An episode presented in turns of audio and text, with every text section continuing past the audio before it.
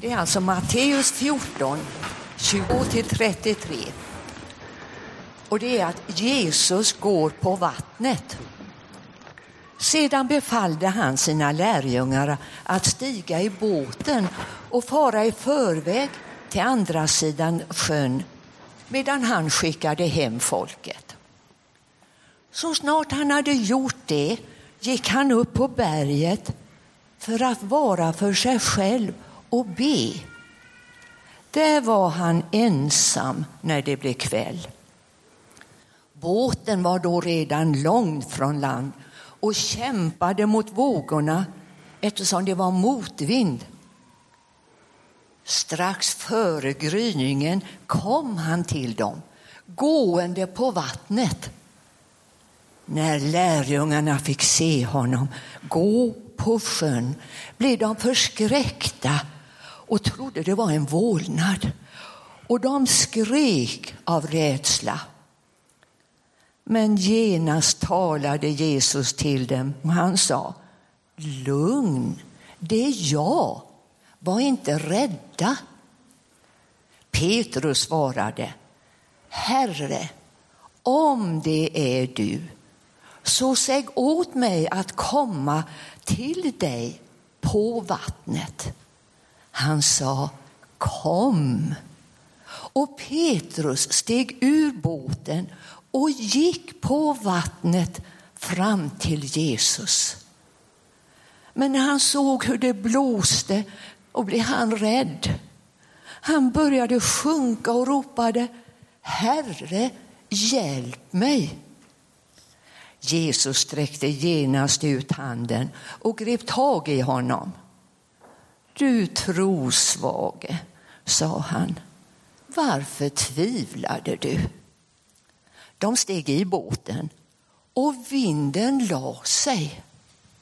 Och de som var i båten de föll ner för honom och sa Du måste vara Guds son.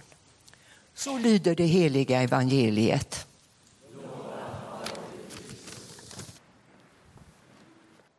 Pendeln den rör sig fram och tillbaka. I ena stunden så hoppas och tror man att världen rör sig framåt. Man vågar tro att det blir bättre. Att det blir bättre, men att det ändå det går långsamt, men det blir bättre. Och sen en annan stund så vänder det. Pendeln kommer tillbaka. När man hade trott att vi hade börjat riva murarna så byggs det bygga nya murar. När man trodde att det var fastställt, det man trodde var fastställt börjar ersättas med alternativ fakta. När man tror att jämställdheten ökar, att våldet minskar, så hör man om hur Ryssland vill ändra lagen så att det blir sänkta straff för våld i nära relationer. Och de politiska besluten blir oftast beslutade av privilegierade vita män. Och de här besluten påverkar människors liv, påverkar en hel värld. Och för den som gett sig ut på uppdraget att försöka göra världen rättfärdigare och mer jämställd så blir effekten att man sjunker ner i stormens vågor efter de här besluten och man kan ropa Herre, hjälp mig. Ser du då handen? Jesus som sträcker genast sin hand och griper tag i oss. Sjön är världen som hela tiden skiftar. Den ena stunden kan den vara stilla och spegelblank och i andra stunden kan det blåsa upp och vågorna går. Båten, det är församlingens gemenskap där vi tillsammans möts och vi befinner oss i världen och vi påverkas av världen. Men samtidigt finns vi är i båten och där tror vi tillsammans att Jesus är Guds son. Jesus han finns i världen och kallar oss till att göra som han, att gå på vattnet. Men ibland så sjunker vi. Vi tappar tron då det börjar blåsa och vi blir rädda. Och vi ropar Herre hjälp oss. Och genast så sträcker Jesus ut handen och griper tag i oss. Jesus tar in oss i båten, in i gemenskapen och tillsammans får vi ännu en gång bekänna att Jesus är Guds son. Och snart igen så kallas vi ut och gå på vattnet. Tidiga teologer som Hilarius på mitten av 300-talet och Hieronymus i början av 400-talet menade att båten är kyrkan och stormen och nattmörkret det är de förföljelser som de kristna mötte. Då det stormande havet ofta såg som just ett kaoselement så låg en sådan allegorisk tolkning nära till hands. Men vilken bild man nu använder för att beskriva kaos så finns kaoset. Världens kaos, den enskildes kaos. Och det är inte endast i världens kaos vi kan drunkna i. Ångest, ångest oro, sorg och depression får oss att sjunka. Mänskor tränger mänskor. De flesta uttryck låter ju oftast bättre på engelska men ibland så blir de även bättre på norska. Människor behöver människor. I den populära tv-serien Skam så finns de här orden med i en artikel som beskriver gymnasieelevs perspektiv på nationen Norge på nationaldagen den 17 maj. Och så står det bland annat människor tränger människor. Människor behöver människor. Det är ord som beskriver den kristna världsbilden. En värld, en mänsklighet. Och vi hänger ihop. Det har alltid varit sant. Men idag märker vi ännu tydligare i en global värld hur beslut som tas i Vita huset påverkar familjeplanering i, planering i helt andra delar av världen. Vi hänger ihop. Och Paulus beskriver detta med bilden av en kropp.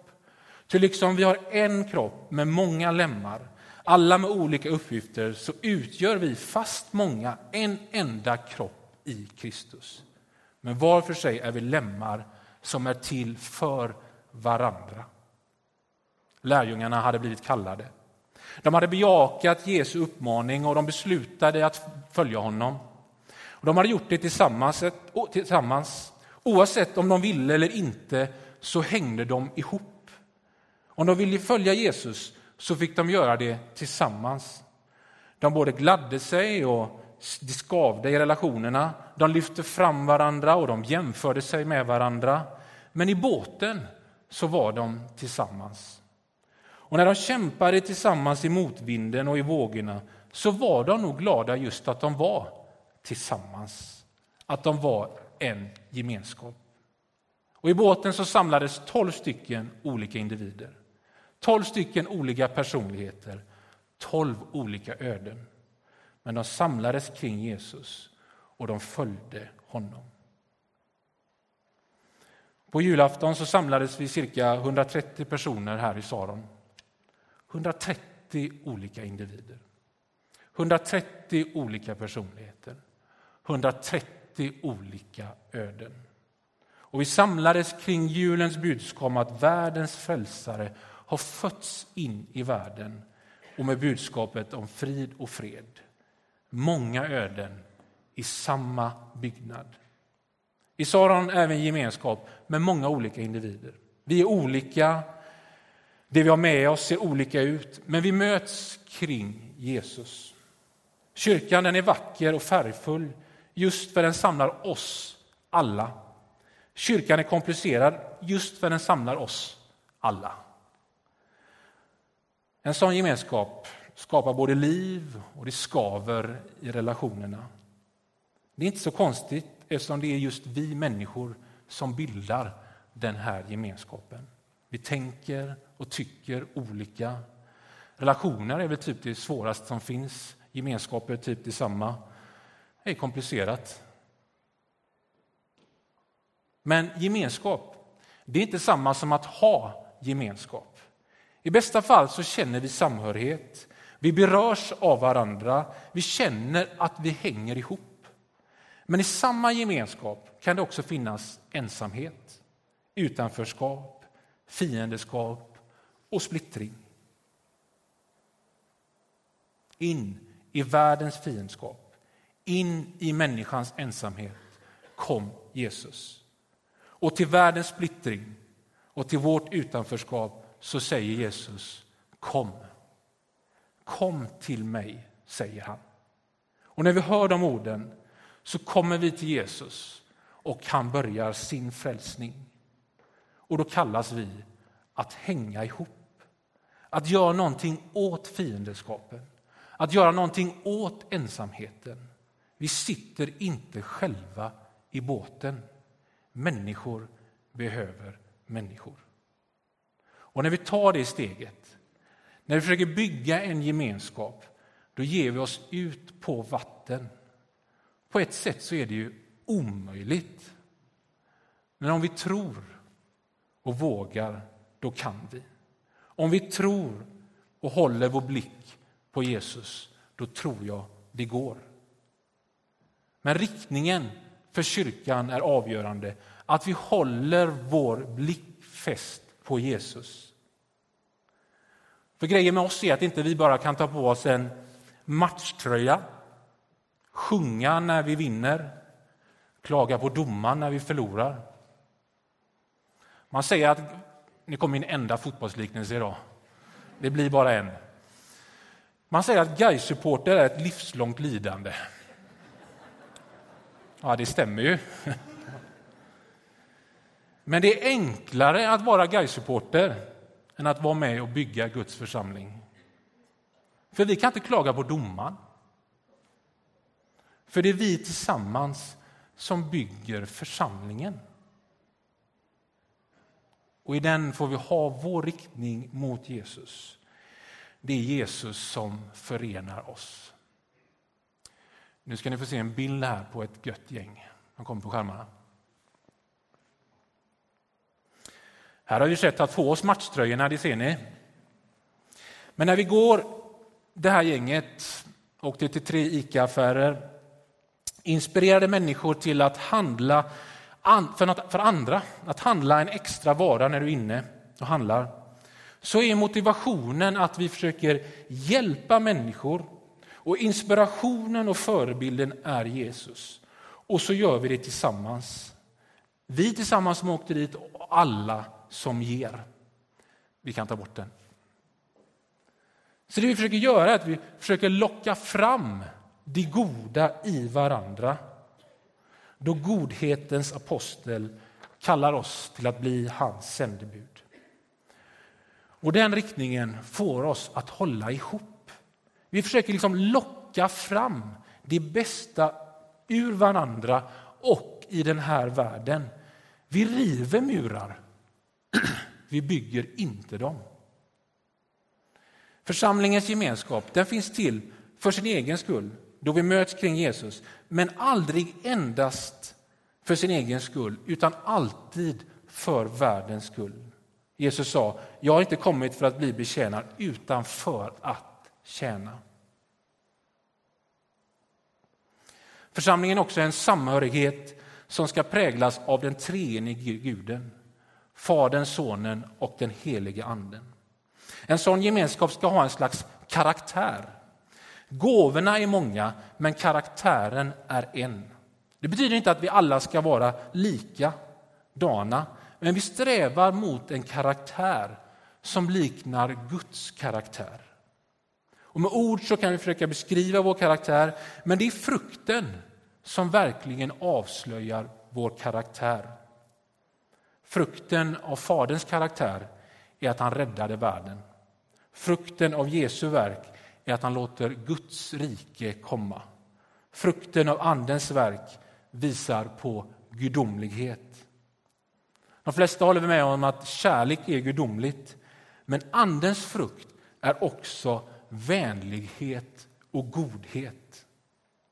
Vänlighet och godhet. En av en gemenskaps stora utmaningar det är orden. Aposteln Jakob skriver i sitt brev att den som inte felar i sitt tal, han är fullkomlig. Och han fortsätter, en liten eld kan sätta en hel skog i brand och tungan är en eld. Med den tackar vi och lovar vi vår Herre och Fader. Med den förbannar vi människorna som han skapade till Guds avbilder. Det är skarpt. Han har helt rätt, Jakob. Det gällde då, det gäller idag. Det stämmer med världspolitiken och det stämmer med den lokala församlingen. Ingen av oss är perfekt. Men vi behöver vara medvetna om våra ord. Ord kan bygga upp, ord kan uppmuntra och ge liv. Det kan ge tro och hopp. Det finns kraft i orden. Men ord kan också bryta ner. I församlingen behöver vi inte, vi ska inte tycka samma. Vi får tänka kritiskt, vi får pröva, vi har rätt att säga det vi tycker. Vi är ingen sekt.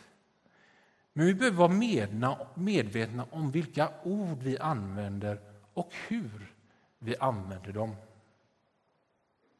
Riktningen mot Jesus får oss som gemenskap att hålla ihop.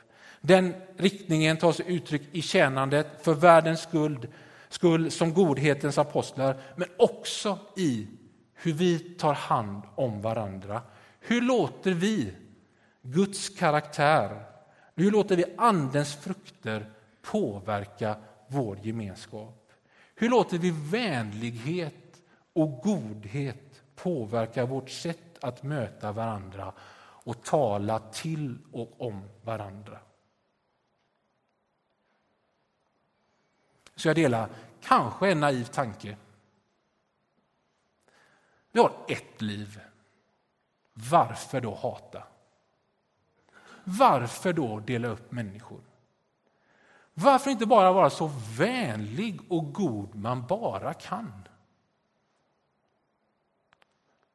Så att ni fattar, låt vänlighet vara det nya svarta. Då är ni med mig va? Som tonåring så försökte jag, jag var inte så svår, men ändå försökte vara lite svår för att bli bekräftad. Som tonåring så kom jag medvetet sen för att man skulle se mig. Nu är jag helt fri från sådana grejer, bara så ni vet. Men... Ska vi inte växa upp? Låt oss vara vänliga mot varandra och på det sättet bekräfta varandra. Låt oss lägga bort saker för att bli sedda och istället hjälpa varandra att se varandra för dem vi är. Vi har fått en gemenskap här i Saron. Vi har getts till varandra. Låt oss ta hand om varandra. John C. Maxwell, några av er kanske känner till honom. Inflytelserik ledarskapsexpert, så bästsäljande författare, talat för mängder med ledare runt om i världen. Och så hörde jag hans ganska nyligen tal. Han har gått många vändor med vad det är att vara ledare, vad det är som påverkar. Och så säger han i det här talet det handlar om att bestämma sig att tillföra värde till människor. Och han berättar hur han förbereder sig på morgonen inför de människor han ska träffa under dagen med att fråga sig själv hur kan jag tillföra värde med dem jag ska möta? Och så berättar han, hur han försöker lära ut till sina barnbarn att de ska tillföra värde till de människor de möter. Och så berättar han hur ett av hans barnbarn berättar för honom hur det här barnbarnet har öppnat dörren för någon och till och med önskat den här personen en trevlig dag. Och så säger ledarskapsexperten att hans barnbarn har fattat det. Det som alla ledare och det som alla behöver fatta. Vänlighet är vackert. Vänlighet är gudomligt. Vänlighet är en av Andens frukter. Så Jesus säger kom. Vi får följa honom ut på vattnet. Vi kommer bli rädda, vi kommer att sjunka, vi kommer att be Herren om hjälp. Och då kommer Jesus sträcka ut sin hand och gripa tag i oss. Och den handen kan vara den som sitter bredvid dig just nu. Den handen kan vara din husgrupp. Den handen kan vara förebedjaren. Den handen kan vara din konfaledare. Och du kan vara den handen för någon. Jesus sträcker ut sin hand idag och han gör det genom oss, vi som är hans kropp. Och vi hänger ihop. Jesus lyfter oss upp och han gör det genom att vi lyfter varandra. När det gäller att ha gemenskap så får vi vara positivt realistiska. Det vill säga att vi hoppas och tror att vi kan hjälpa varandra att ha gemenskap. Vi måste alla hjälpas åt, bidra med det vi kan. Sen får vi också vara realistiska för att det är svårt. Vi funkar inte lika bra med varandra allihopa. Samtidigt så är det det som är så fantastiskt med församlingen. Jag tackar ofta Gud för den här gemenskapen. När man går ifrån någon träff med flera av er och andra som inte är här idag och så tänker jag, de här människorna aldrig träffat annars. Och i jämförelse med mig så är de då annorlunda. Det kan ju lika mycket vara jag som är annorlunda för den andra, men ni fattar. Och så får jag möta de människorna man har aldrig antagligen träffat annars, för vi umgås ju ofta med de som är typ likadana. Det berikar mitt liv. Våra olikheter de kan skava, det kan vara obekvämt. Men det är också bra det där skavet, förhoppningsvis så gör det mig mer ödmjuk. Alltså mer av Andens frukter. Sen kan skavet gå för långt. Då pratar vi om något annat. Till sist. Världen är som ett öppet hav. Där får vi nu höra Jesu ord. Kom. Vi får en tillhörighet och identitet i honom som inte påverkas av världens pendel. Vi kallas in i gemenskap för människor behöver människor. Tillsammans tror vi att Jesus är Guds son och att han kallar oss att gå på vatten med honom. Vi får bli godhetens apostlar. Och ibland blir vi rädda och då sjunker vi.